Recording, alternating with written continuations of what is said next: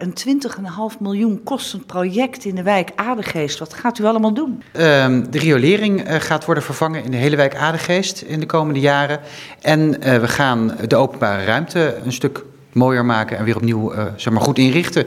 Dus dat is een, uh, dat is een groot project en dat, uh, daar heeft het college inmiddels over besloten. En daar gaan we nu de komende weken gaan we daarmee naar de gemeenteraad. Dat is wel heel kort door de bocht, want de wijk wordt 30 km per uur duurzamer.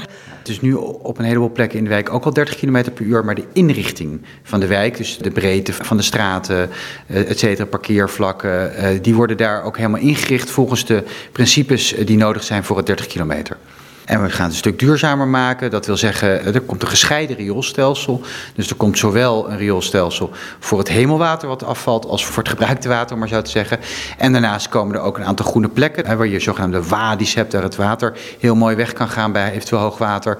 Er komen meer bomen bij. De biodiversiteit gaan we verhogen. Het is al een mooie groene wijk, maar we gaan hem nog een stuk verder vergroenen. Nou, uh, heeft u een enorm lang burgerparticipatieproject, anderhalf jaar, 15 bijeenkomsten, talloze nieuwsbrieven, informatie.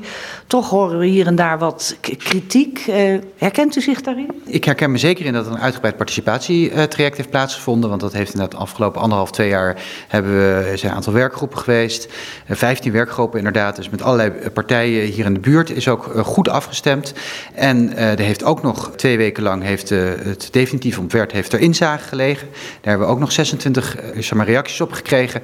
En daar hebben we eigenlijk per reactie hebben we precies aangegeven welke punten we overnemen en welke punten we toch uh, verstandig vinden om die niet over te nemen. Ja, en daar zijn bepaalde zaken niet overgenomen. Dus ja, ik begrijp dat daar dan niet altijd iedereen helemaal blij mee is. Maar over het geheel genomen denk ik dat er een hele goede participatie heeft plaatsgevonden. En dat er uh, voldoende ruimte en gesprek is geweest. En ja, er moeten wel keuzes worden gemaakt uiteindelijk. En ik hoop dat iedereen uiteindelijk natuurlijk ja, toch een beetje blij is dat we dit zo mooi gaan opknappen allemaal. Uh, hoe zit het met het parkeren? Verhoogd parkeren, groen parkeren? Over het geheel genomen komen er parkeerplekken bij. We gaan echter wel uh, met uh, verhoogd parkeren. Dus je gaat net zo hoog je auto neerzetten maar, als het trottoir. En er komen parkeervakken waar je in kunt staan. Ja, dus dat is even een verandering. En er komen ook een aantal parkeerplekken bij de parkeerplaats voor het Wedden. Er komen een stuk of 10, 15 parkeerplekken komen volgens mij bij, over het geheel genomen. Het wordt wel aangegeven met de parkeervakken.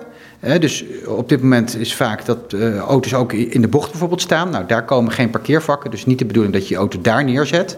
Er is ook onderzoek uh, gehouden naar, naar parkeerdruk, et cetera. Dus we zijn ervan overtuigd dat ehm, overal voldoende parkeerplekken zullen zijn. Nou, laatste vraag nog eventjes. U zegt in mei dit jaar gaat de eerste schop in de grond. Ambitieus? De gemeente Voorschoten is zeker ambitieus. Uh, maar ik denk dat het uh, op dit moment, zoals we dat nu weten, gewoon een realistische planning is. En uh, dat de bedoeling is inderdaad, als de gemeenteraad het vaststelt begin februari, dat we dan in ja, mei, dat het dan ook daadwerkelijk met de uitvoering kunnen gaan beginnen.